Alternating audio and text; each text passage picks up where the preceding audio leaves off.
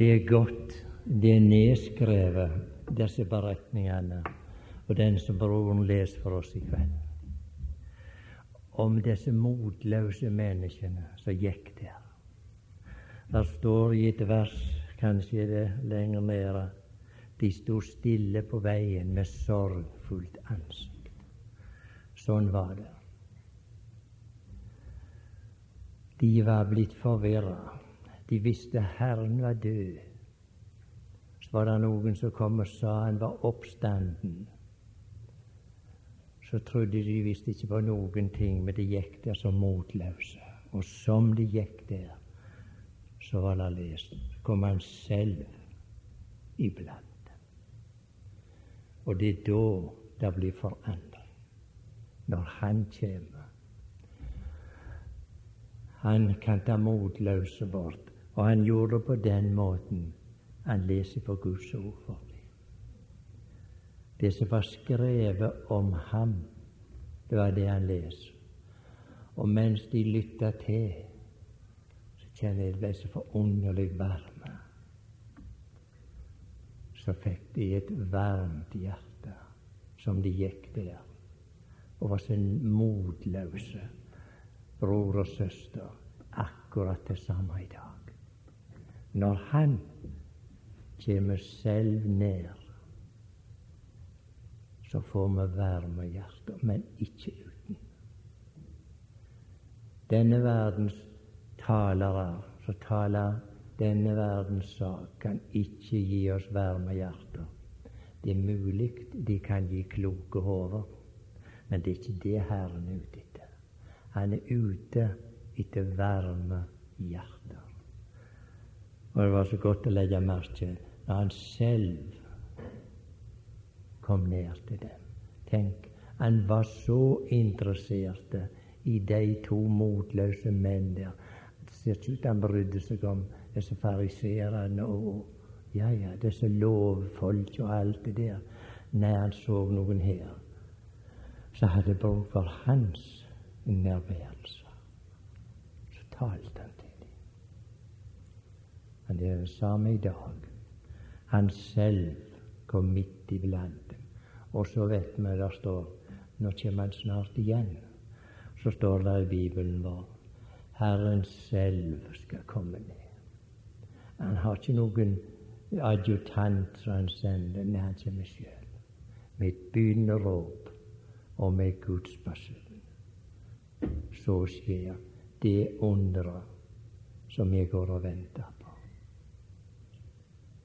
Gud gi at det må være så for oss at Han selv kommer midt iblant, enten med ensomme eller med flere, uansett Hans nærværelse.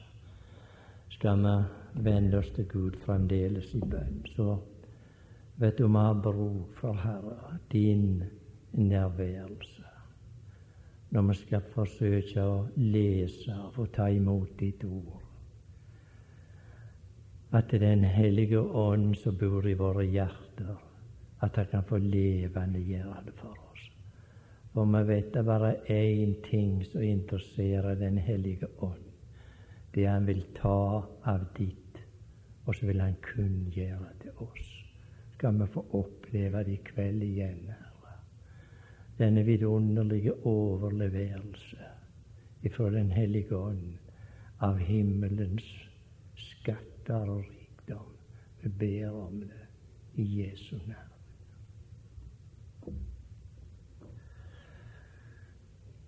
Skal vi finne fram til hebreerbrevet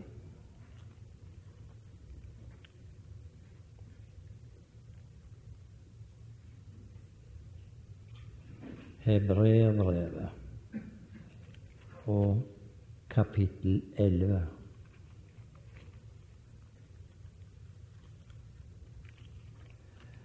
Vi vet det er et velkjent kapittel.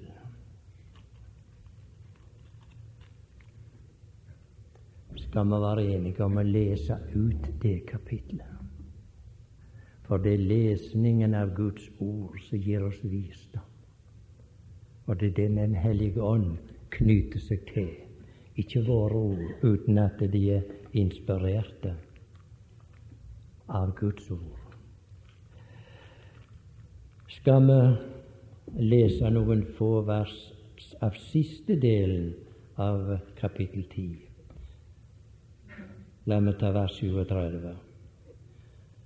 For ennå er det bare så kort en stund, så kommer Han. Han som har hørt det nå, han som vandrer i lag med dem. Ennå er det bare en kort en stund, så kommer Han som komme skal, og Han skal ikke dryge. Men den rettferdige ved tro skal han leve, og dersom han unndrar seg, har min sjel ikke lyst i ham. Men vi er ikke av dem som unndrar seg til fortapelse. Vi er av dem som tror til sjelens frelse. Men tro er full visshet om det som håpes, overbevisning om ting som ikke sees. For på grunn av troen fikk de gamle godt vitnesbyrd. Ved troen skjønner vi ved tro skjønner vi at verden er kommet i stand ved Guds ord, så det som ses ikke ble til av det synlige. Ved tro bar Abel fremfor Gud et bedre offer enn Kain. Ved den fikk han det vitnesbyrd at han var rettferdig i det. Gud vitnet om hans gaver og ved den taler han ennå etter sin død. En mektig taler du. Han taler ennå etter sin død, denne troens mann. Ved tro ble vi nok bortrykket, så han ikke skulle se døden, og han ble ikke funnet fordi Gud hadde bortrykket ham. For før han ble bortrykket, fikk han det vitnesbyrd at han tektes Gud. Kan vi tenke oss i såret et vitnesbyrd kan få av Gud at han tekkes Gud? Ja, kan det sies noe mer forunderlig om et menneske i denne verden enn han kunne tekkes Gud? Vi veit alle hva det vil si å være utekkelig, Vi vet det. Vi sier somme tider du var et tekkelig menneske, ikke sant? Det er noe med noen mennesker når vi ser dem og treffer dem. De er så forunderlig tekkelige. Sånn sa Gud om, om Enok. Han tekkes Herren. Vi leser videre. Men uten tro er det umulig å tekkes Gud. For den som trer frem for Gud, må tro at Han er til, og at Han lønner dem som søker Ham. Ved tro bygget Noah, varslet av Gud om det som ennå ikke var sett, i hellig frykt, en ark til frelse for sitt hus. Ved den fordømte han verden og ble arving til rettferdigheten av tro. Ved tro var Abraham lydig da han ble kalt, så han drog ut, ut, drog ut til det sted han skulle få til arv, og han drog ut uten å vite hvorhen han skulle komme. Ved tro oppholdt han seg som utlending i det lovede land som i et fremmed land. ikke det merkelig forhold? Gud hadde gitt han et land og lovte, og så oppholdt han seg som fremmed i det lovede land. Der oppholdt som i et fremmed land i det han bodde i telt. Han beviste det. Abraham, ikke fremmed. Jeg, jeg, jeg bor i telt. Jeg flytter fra den ene plassen til den andre. Men vi har godt av å tenke det var noe som var større for Abraham å være fastboende. Han kunne, Han kunne bygd seg så mye store palasser, Abraham, for det står her han var meget rik. Men Abraham, han så en stad lenger framme, og så sa han gi meg ikke tid til å bygge meg hus. Jeg vil vandre i telt. Og du vet det er snart å flytte da, når vi, når vi ligger i telt. Den tro beskjelte Abraham, for det var noe annet som var større for han enn å slå seg til i denne verden. Han hadde sett den evige staden Abraham, og dette gav han en lengt som var uimotståelig. Vi leser videre. For han ventet på den stad som, hadde de fast, som har de faste grunnvoller, som Gud er byggmester og skaper. Abraham kunne vente. Han hadde ikke sånn panikk. Vi ser det, kan vi tenke på det med det samme vi leser dette her. Han sto en dag sammen med Lot der utenfor utenfor Sodoma. Og det var de blitt så rike begge to, de kunne ikke være i lag. Det ble for trangt for dem. Og så sa Abraham, du Lot, hvis du går til høyre, så går jeg til venstre. Men hvis du vil gå til venstre, så går jeg til høyre. Abraham var ikke, var ikke vanskelig å ha med å gjøre, for Gud hadde møtt Abraham. Så vet vi Lot han velter de vannrike sletter med Sodoma, for han hadde en masse med dyr, Lot han visste. Da kan jeg bli en rik mann. Hvis jeg får disse fine slettene der opp med, med, med, med Sodoma. Og Lot han valgte for seg, står det. Og så kjenner vi historien. Der kom en dag da Lot måtte ryme for livet, vet du. Og så fikk han sjå det brann opp alt sammen. Her sto han ribba for det alt hadde sjøl valgt. Men Abraham, da? Valgte ikke Abraham? Nei, han gjorde ikke det. Gud valgte for Abraham. Abraham fikk beholde det alltid sammen. Og nå er det en tanke som slår ned i meg, jeg vet ikke enten det er klokt eller hva det er. Når jeg har unge mennesker for meg, og her er jo mange unge, har jeg lyst til å be deg, hvis du skal velge noe både for dette og det kommende liv, så endelig snakk med Gud om det. Snakk med Han om det.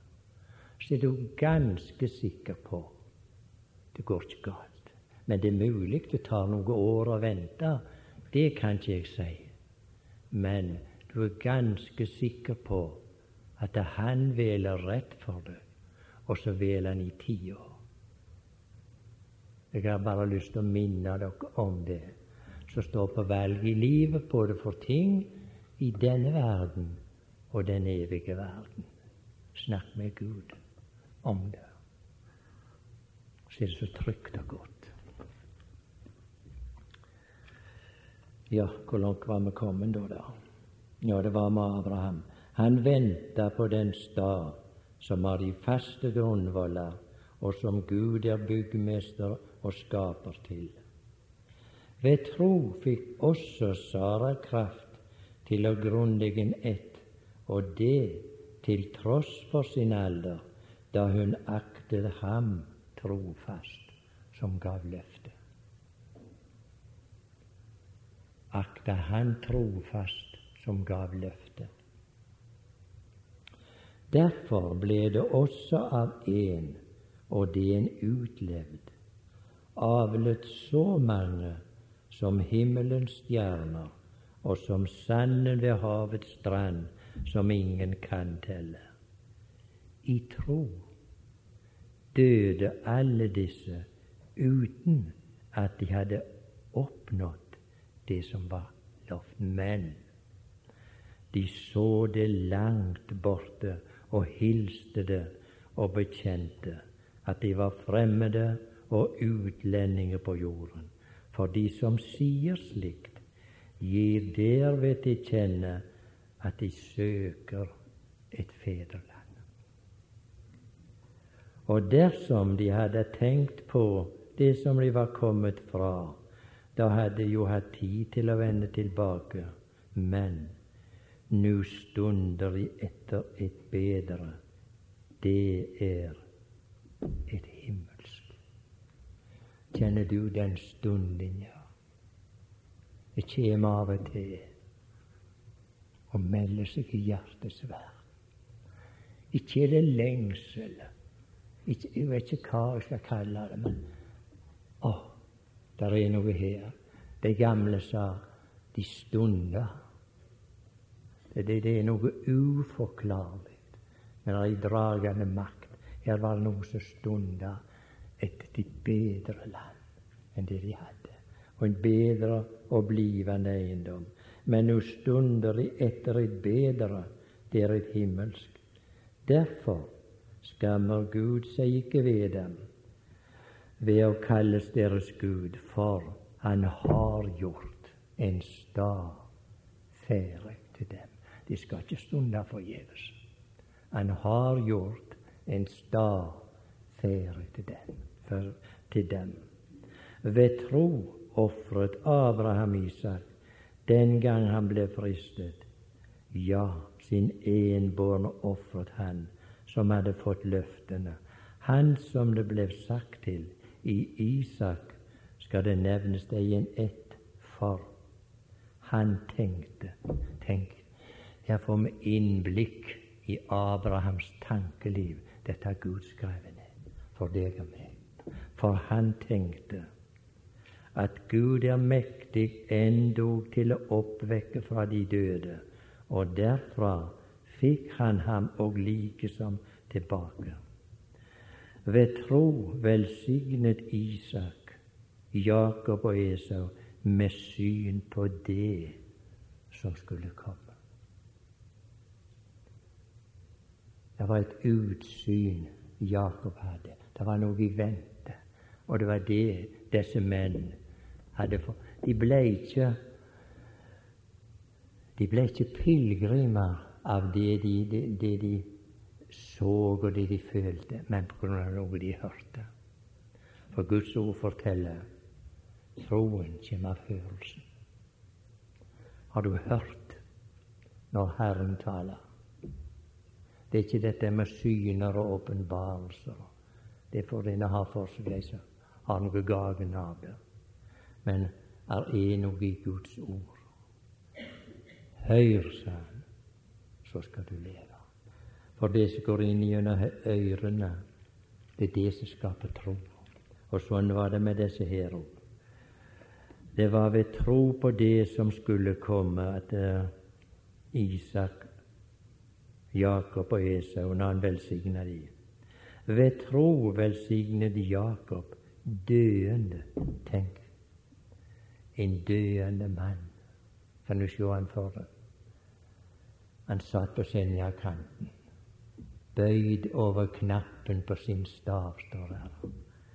Ved tro velsignet Jakob døende hver og en av Josefs sønner og tilba bøyd over knappen på sin stav.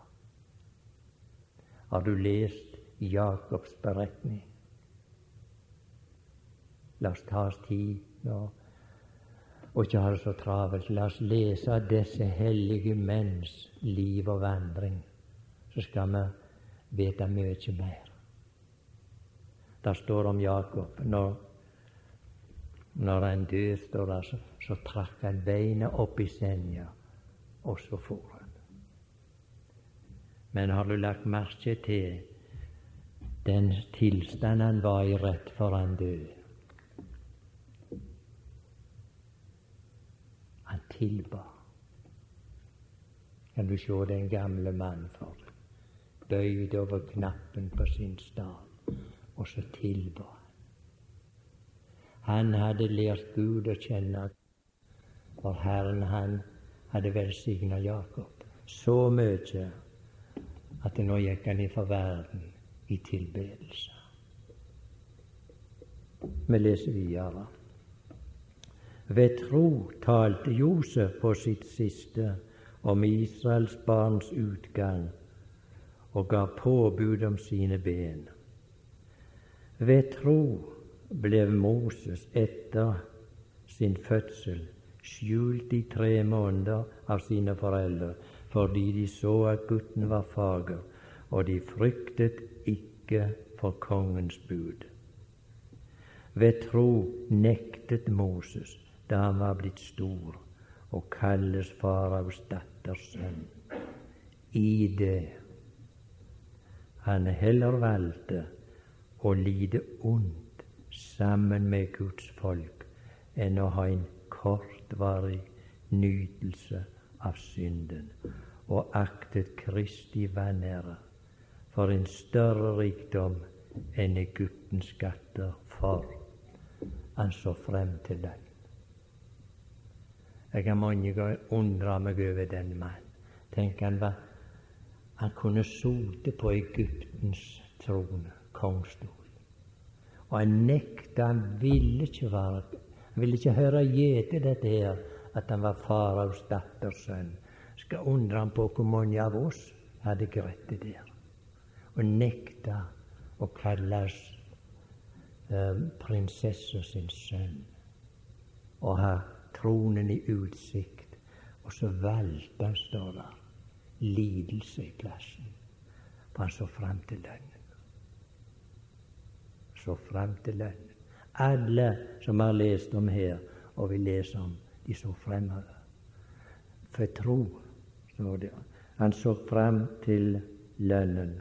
Ved tro forlot han Egypten uten å frykte for kongens vrede for han holdt ut som om han så det usynlige.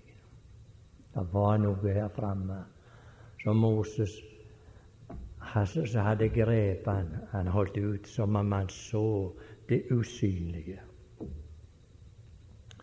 Ved tro eh, holdt han påsken sammen eh, med, med blodsprengningen for at ikke ødeleggeren skulle røre deres førstefødte. Ved tro gikk de gjennom Det røde hav som over tørt land, men da egypterne prøvde på det, druknet de.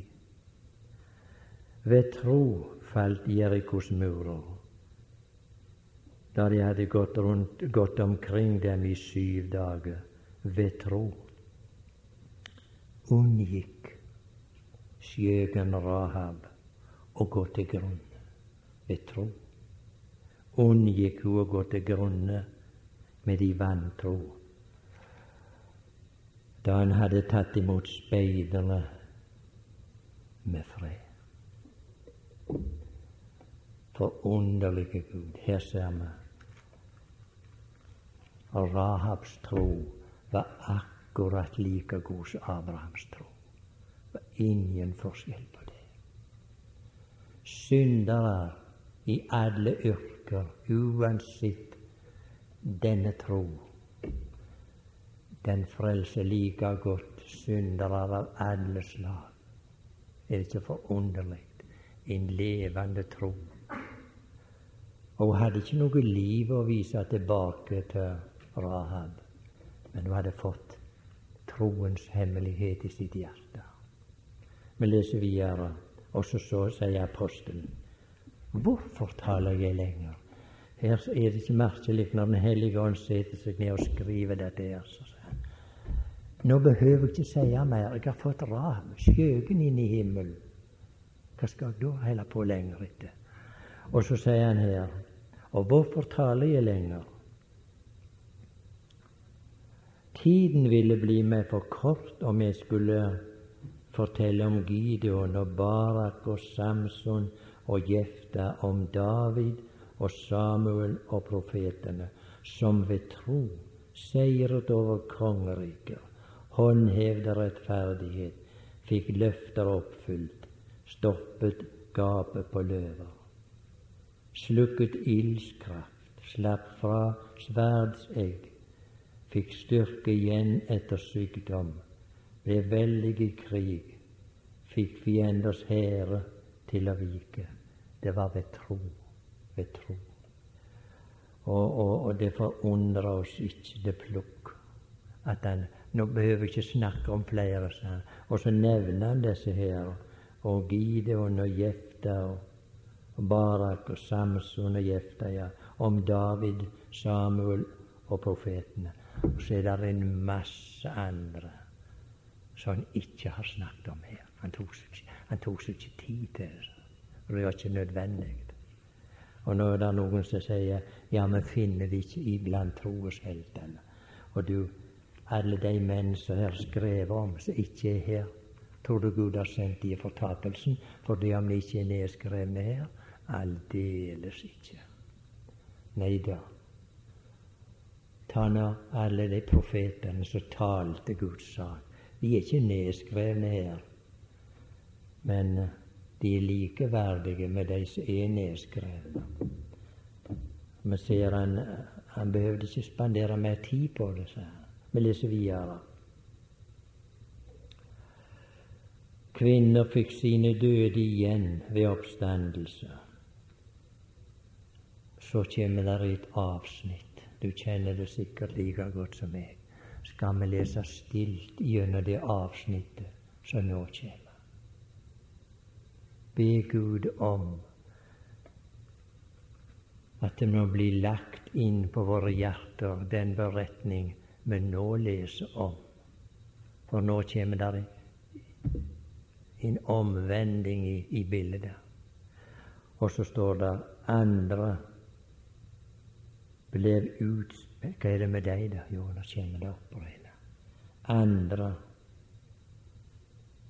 ble utspent til pinsel og ville ikke ta imot utløsning for at de kunne få del i en bedre oppstandelse. De så fram til noe som var så endelig mye bedre. At de kunne få del i en bedre oppstandelse. Andre fikk lide spott og hudstrykning, ja, bånd og fengsel. De ble stenet. Det er ikke noe roman vi har for oss å lese i dag. Det er guddommelig virkelighet. De ble stenet. Ta beretning for beretning.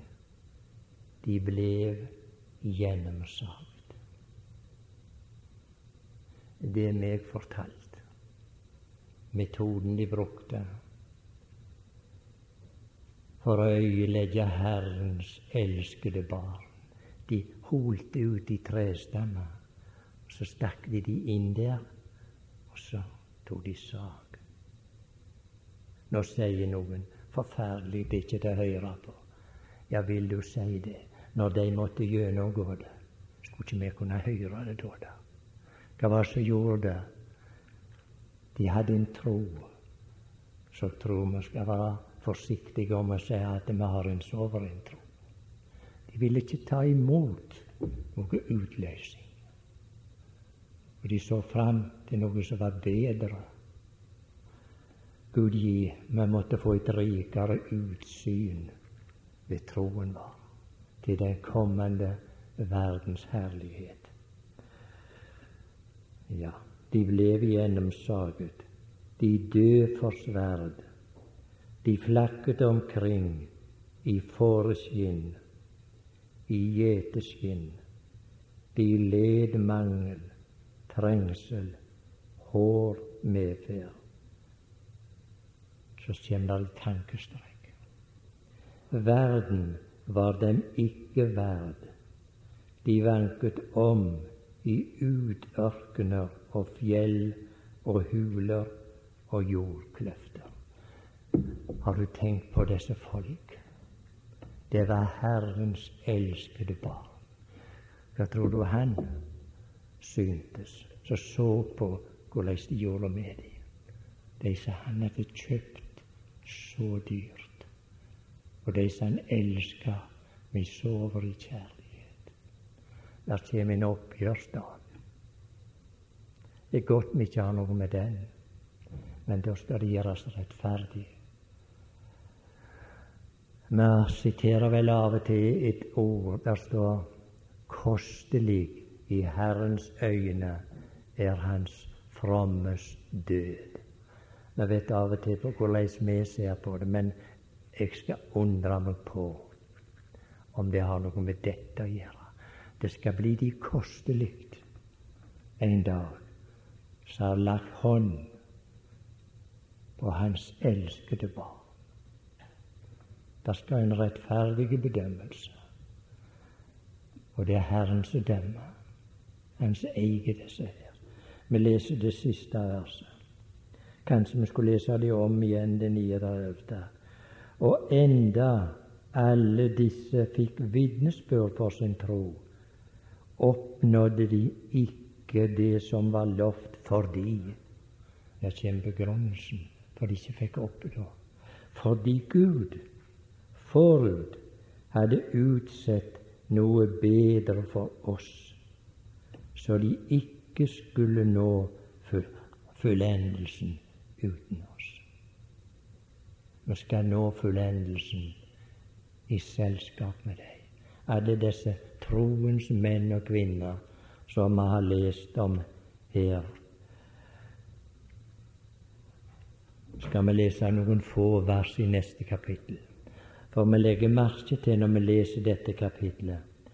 Det er historier som strekker seg over flere tusen år, like ifra Abel og til vår tid, hvor vi må takke Gud som har latt det nedskrevet, at vi kan få innblikk og lærdom i dette her som Gud har gitt oss ved disse sine troende menn og kvinner som har vandra gjennom den samme Tåredalen som du og jeg går gjennom.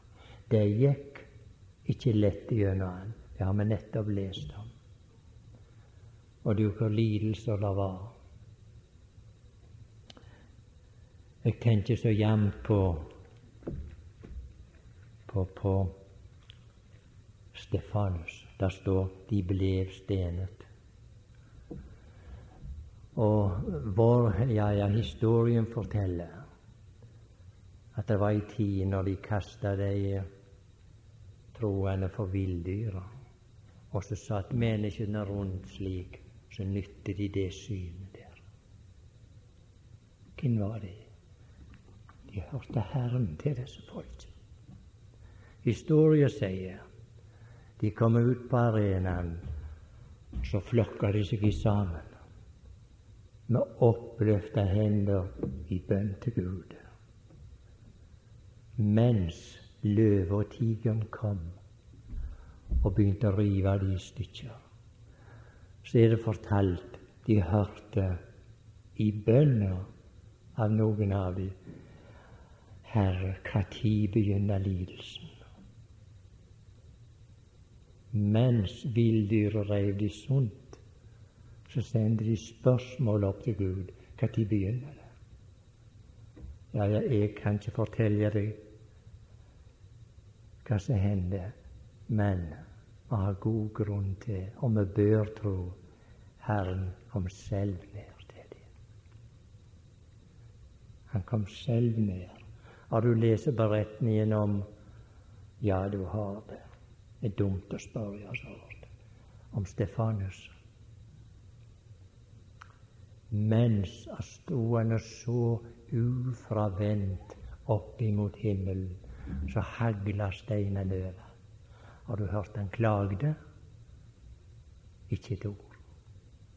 Han ba for det. Hva er det som gjør det? løftenes Gud. Han er akkurat den samme i dag.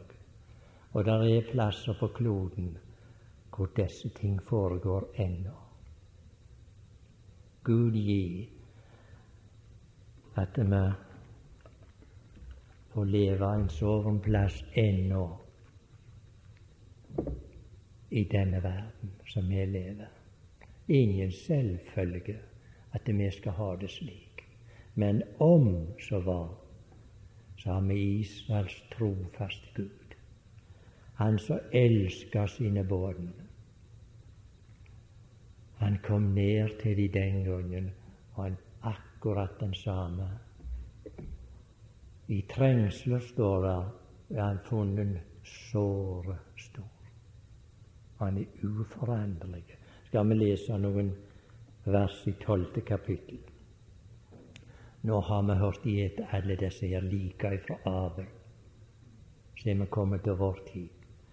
Derfor, la òg oss, da vi har så stor en sky av vitner omkring oss, avlegge alt som tynger, og synden som henger så fast ved oss, og med tålmodighet løpe i den kamp som er oss foresatt. Som er oss foresatt. Nå gjelder det deg og meg.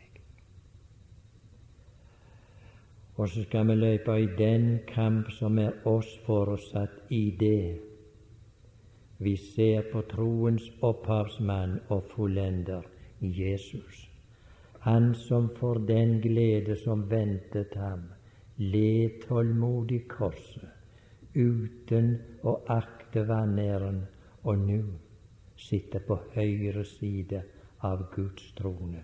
Ja, gi akt på ham som tålmodig har litt en slik motsigelse av syndere, så I ikke skal gå trett og bli motløse i eders sjeler. Her har vi middelet imot motløshet. Dette sjå på troens opphavsmann og fullender. Nå har vi lest om disse menn som så hen til denne troens opphavsmann, han som hadde grepet de slik at de sa farvel til denne verden.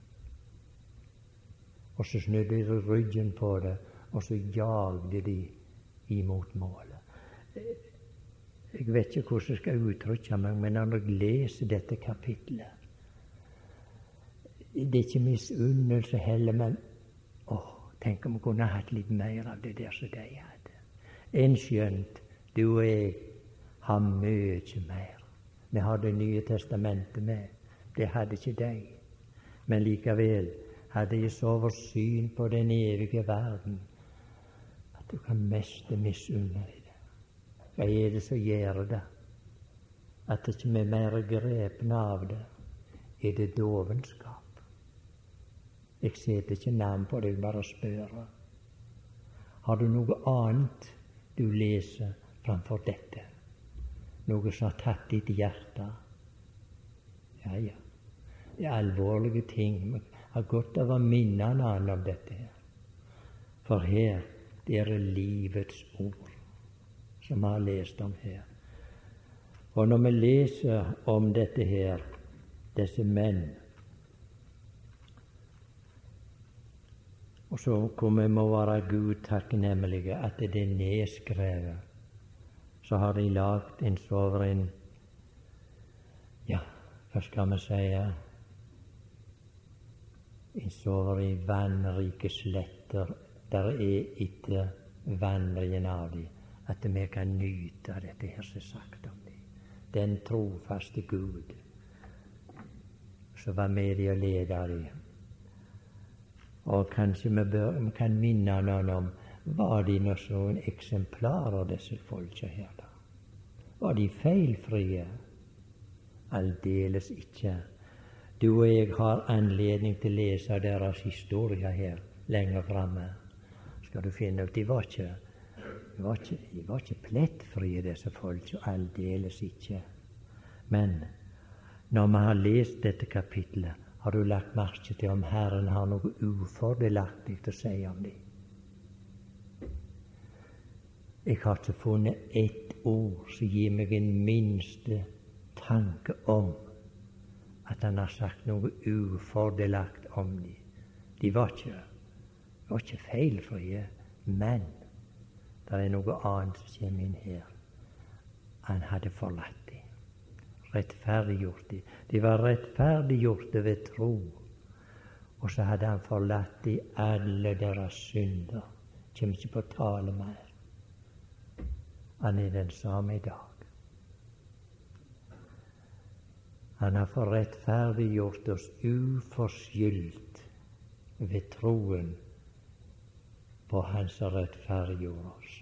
Så kan vi vandre i full visshet om at vi skal komme i lag med disse folk en. I det første verset her som han leser i kapittel 11, der står det tro er full visshet om det som håpes, overbevisning om ting som ikke sees. Jeg har en gang lest noe at de som oversetter Bibelen, hadde i lange tider vanskeligheter med dette her. Full visshet. De, de, de visste det at uh, dette her var trygghet, og alt var i orden. De var sikre på det. Men jeg hadde ikke liksom funnet fram til et praktisk bevis på denne fullvisse uh, forvissning. Så sies det en dag kom de over et brev som ei dame hadde skrevet til, til noen øvrighetspersoner. Det gjaldt uh, eiendommen hans. Og at dette skulle bli uh, stadfesta. Og så skrev hun i brevet Jeg vedlegger skjøte på eiendommen. Der har du det, sa han. Der har du det. Skjøte på eiendom, det er full visshet. Har vi fått skjøte på eiendommen? Ja visst har vi det. Ved tro. Tro er full visshet. Og så står det om de i tro døde alle disse. Og da har vi all grunn til å si i full visshet døde alle disse uten at de hadde oppnådd det. Men de visste at kommer en dag når vi skal ta det i besittelse. Hvordan er det med deg? Har du full visshet? Full visshet. Ja, den kommer herifra, den. Full visshet. Det er troen på at det er det vi venter på Det er ikke sikkert vi oppnår løftet, og langt derifra på den måten. Kanskje i morgen så er vi ute av verden. Men vi lever i full visshet om at det er den kommende verdens herlighet som Gud har gitt oss løfte om. Det står like fast for det om grava tar oss.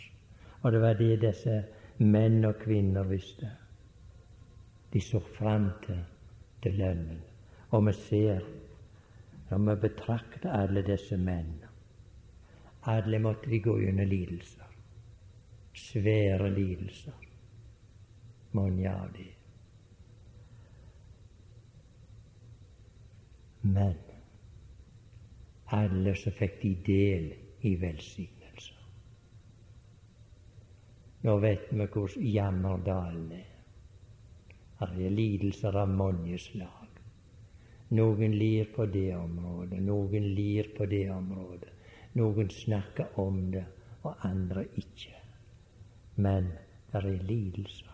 De fikk del i lidelser, alle disse her. Men så fikk de òg del i velsignelser. Så overgikk lidelse. Abel han fikk del i en personlig velsignelse. For han hadde fått løfte om en frelse, og så lagde han til et offer. Og Gud står der, han vitner med vitner om hans gaver, og ved den taler han ennå etter sin død. Enok han fikk òg en personlig velsignelse, for han, han profeterte om de mange tusen hellige som Herren skulle komme med. Og så kan vi si ta de med oss den ene etter den andre. De som fikk hver sin personlige velsignelse. Så kommer vi til Noah. Hva fikk han da? Jo, han fikk en familievelsignelse, Noah. Hva var det som gjorde det? Jo, Herren talte til Noah. Bygg deg en ark, Noah. Herren talte om en kommende dom. Og så sa han, Noah, nå skal du bygge deg i ark for deg og ditt hus. Her leser vi om familievelsignelser. Og var det familievelsignelse den tida, så er det like mye i dag. Men vi kan nok måtte vente. Vi behøver ikke tro noe annet. Og du, hvor mange er det av oss som går med bange hjerter for båndene våre, for familien vår, uansett hvem det er. Overlate til Han. Troens opphavsmann og fullender. Noah tok ikke feil, aldeles ikke. Flommen kom, den. Men så var Noah berga òg. Det kjem en dag over verden, en dommens dag, og da er det godt å ha tak over hodet. Noah han fikk en familievelsignelse. Moses han fikk òg sin velsignelse, men den var en nasjonale velsignelse. Han fikk en hel nasjon med seg ut av Egypten. For han valgte, står det, å lie ondt sammen med Guds folk framfor å ha en kortvarig nytelse av synden. Den ene etter den andre så fikk de en velsignelse når de gikk gjennom lidelser. Abraham han fikk òg sin velsignelse. Og det, det var en velsignelse. Hvordan de sier det? En universell velsignelse. En velsignelse som gjaldt hele verden. Der kommer du og jeg inn. For han sa, Gud sa med Abraham, vet du, i din ett skal all jorden velsignes så er vi òg med i Abrahams velsignelse, for det står at vi er Abrahams barn ved tro. Vi som var utenfor, utestengte, utelukte, vi kom nær til ved Kristi blod. Og her er vi innbefattet i Abrahams velsignelse. Og det var så mange ting vi kunne tenkt på i denne forbindelse, men, men sa jeg makter det ikke. Det er så rikt og så stort at jeg har en følelse av at det kludrer det til for folk. Det er ingenting som griper meg så som nettopp dette kapitlet i Nytestamentet vårt og i Bibelen for øvrig. Så nettopp dette. Det er så gripende når vi leser gjennom denne beretningen, at du sitter igjen Å, for et budskap! Det sies at i England har de en kirkegård, det er visstnok i London, som heter Westminster Abbey, der de kongelige ligger begravne. Og de som har gjort sitt fedrelands store tjenester, fikk òg lov å bli begravd der. Og vi ser det beskrevet at David Livingston han hadde gjort sitt land så store tjenester at de sa han òg må få ligge der. Og der, der, var, der er de store menn som har tjent kongen sin i alle disse år. Så har kongen bestemt at her skal de ligge i Vestminster Abbey.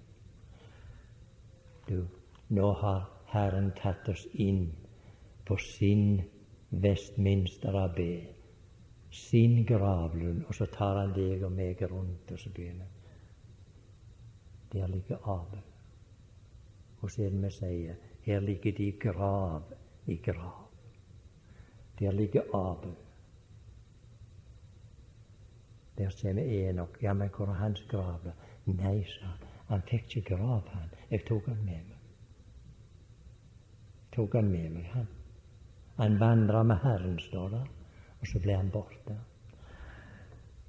Jeg kommer på for noen år siden, jeg var borte i skolen sjøl da. Så var det eh, Ja, det var i den tida det het lærerinne. Det er mange år siden det. Så var det en lærerinne som hadde vi en jenteklasse. Og så hadde du lest denne beretningen om Noah. Og så hadde du kommet til dette at han vandrer med Herren. Så kom du til å spørre hva, det er for noe å vandre med Herren. Med en gang var det ei lita jente som rakk opp hånda. Hva sier du da? Hva det, hvordan vil du si det? Hva vandre med Herren? Jo, han fyller den på veien. Han fyller den på veien. Ja, hun var voksen opp i den tida, du vet når vi hadde fremmede, så kvelder når de gikk, så fylte de på veien. Ikke sant? Og så gikk de atter fram, så fylte de fremmede tilbake. Jeg kommer så godt på i de fine sommerkveldene. Når de gikk der atter fram, her så mye å snakke om, så fyller de på veien. Og så var det en dag, sa hun, denne lille jenta uh, Enok, han hadde fulgt så langt. Og så sa Herren med han, nå Enok, nå er det mye lenger å gå til bars. Nå skal du følge meg. Ja, ja.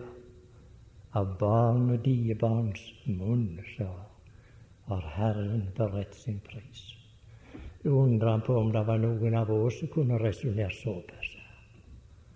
Ja, ja, sa Herren sa, nå er nok. Nå skal du være med meg, for nå er du så nær hjemmet mitt. Og det var det som er forholdet her. Han fikk ikke noe grav.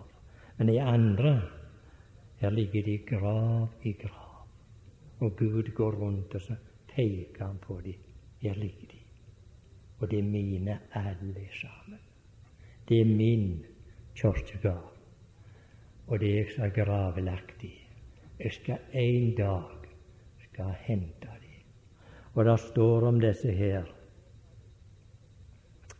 I tro døde alle disse uten at de hadde oppnådd det som var lovt, men de så det langt borte og hilste det. Jeg har så lyst til å ha litt mer av den ånd som så den kommende verdens herlighet så stor at du kunne legge alt bak. Vi er ikke livsleie, det er ikke den slags vi snakker om. Men vi har et mål, et utsyn, som griper våre hjerter. Og så får vi lyst på den kommende verdens herlighet. Det var det, den ene etter den andre her. Det var noe de så, noe de venta på. Og så voks denne lysten i deres hjerter ved tro. De vandra i tro, står det. Og med å vandra i tro, ikke i beskuelse. Men her hadde de i full visshet døde alle disse uten at de hadde oppnådd løftet. For de som sier slikt, gir derved til kjenne at de søker et fedreland. Og dersom de hadde tenkt på det som de var kommet fra, da hadde de jo hatt tid til å vende tilbake, men nå stunder de etter et bedre, deret er himmelsk. Derfor skammer Gud seg ikke ved dem ved å kalles deres Gud, for han har gjort en stad ferdig til dem. Det er vel ingen av oss som tror at Gud har gått i gang med gjort en stad som ikke skal oppnå. Det ville være i skam og i vanære for Gud om så skulle være. Og La meg si det igjen, jeg har sagt det før. Det er ikke noe eksperiment Gud holder på med. Så kan hende, og det kan ikke hende. Kan lykkes, og det kan mislykkes. Det er ikke løye at folk går så trøtte og motløse hvis man går med en sovrig innstilling. Og jeg har lyst til å si Gud hjelpe oss som vitner om henne for ham, at vi ikke må så oss over til vanære for vår Gud. Han som har gjort en stad ferdig til den. At vi ikke må gå her og si synge Akk, mon jeg når det glade land som snubler gang på gang. Du, det har ingenting med den snublende gangen din å gjøre, dette her. Jeg tror den slags sanger og, og, og hva det måtte være, de kommer ned til en annen plass.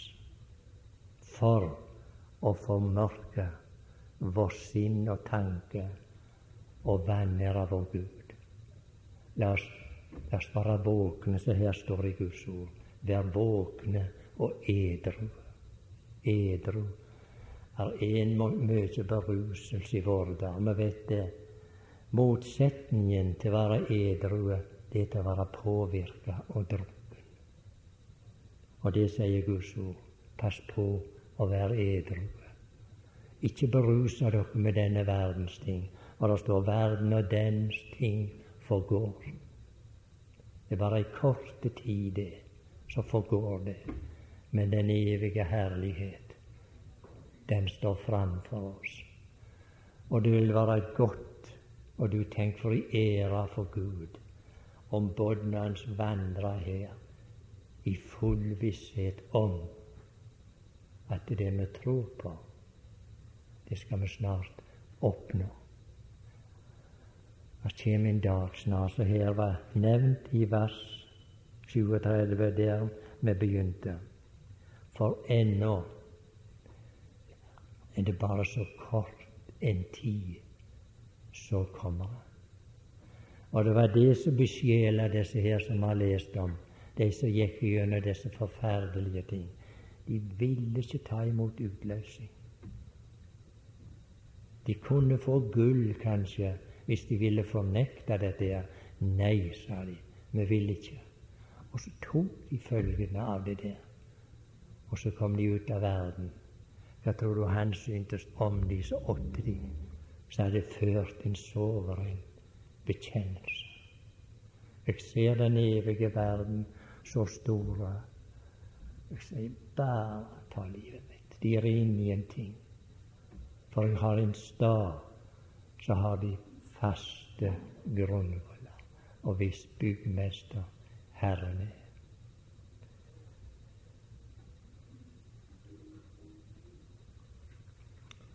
Og får jeg lov til å Ja.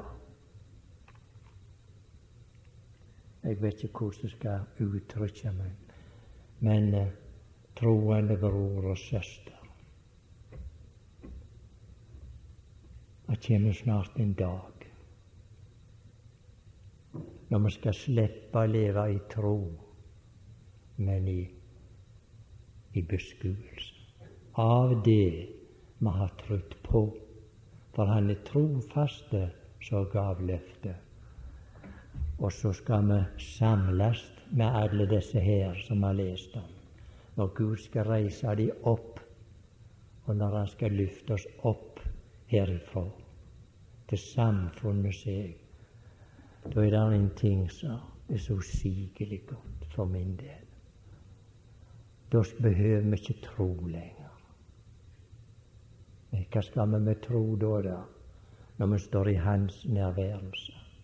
Det er under vandringen vi behøver tro som holder oss oppe. Kanskje det skal bli anledning, jeg vet ikke. Jeg vil gå bort til troen. Nå troen skal du ha takk for selskapet. Nå trenger jeg deg ikke lenger.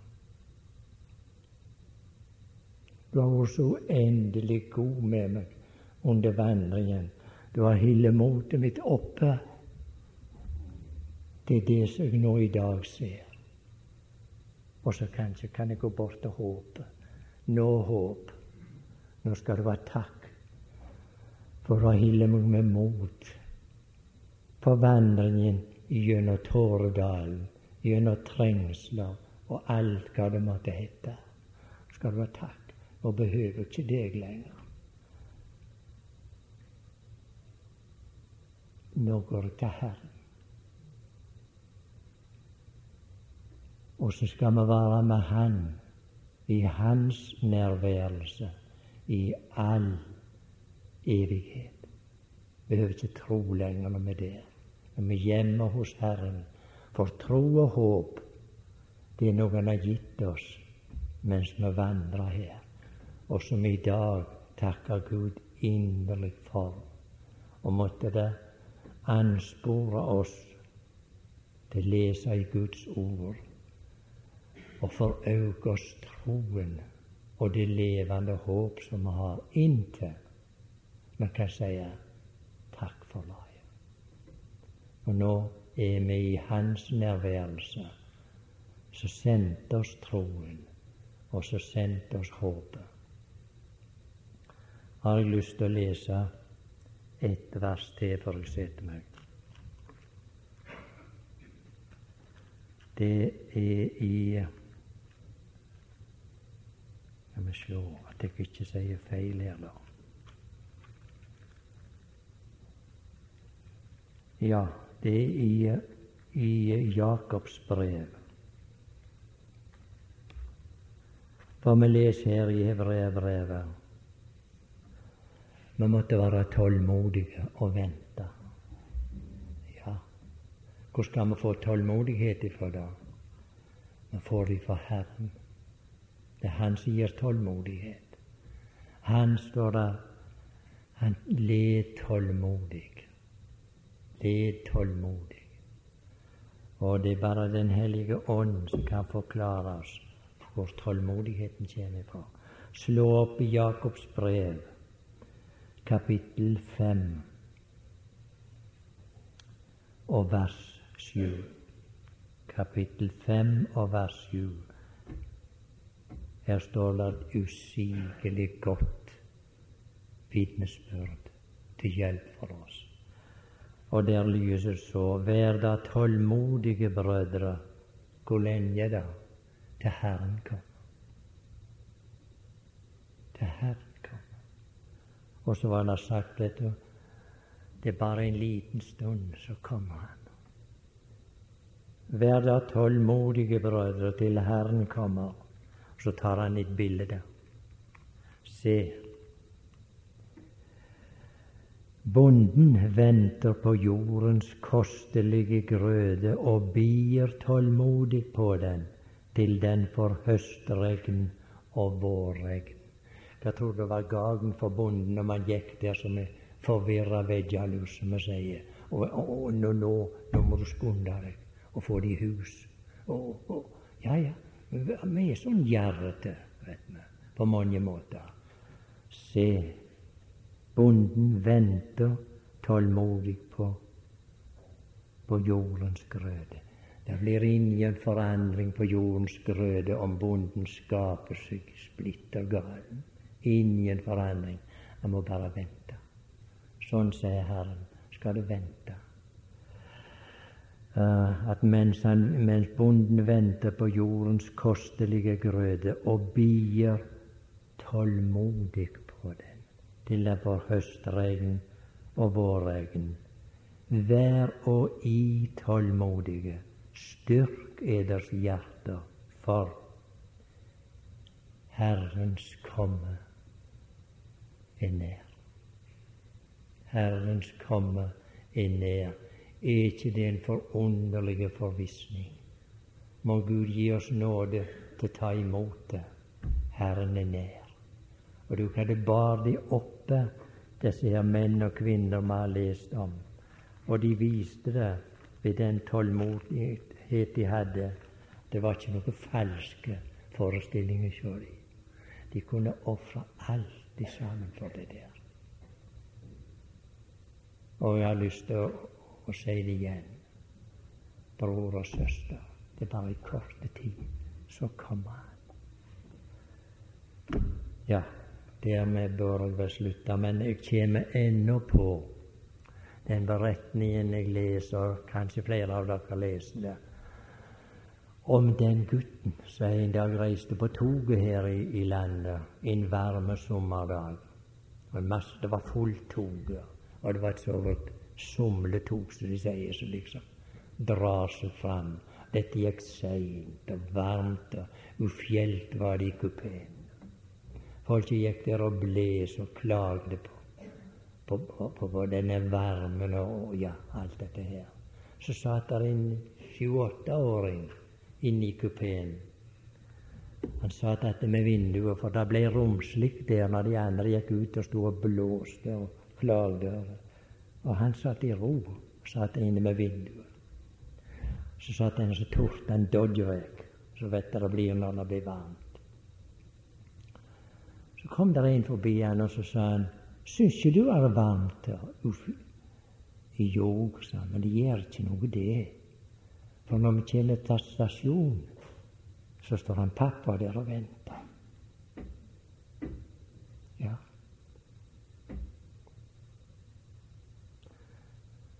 Vi kommer snart til stasjonen. Så er det en som tar imot oss. Hva gjør det da om solen har oss brent? Lukker på reise, om det blir ukjekt somme tider. Det er mange ting, og det kan bli hett underveis. Men snart ruller toget inn på stasjonen.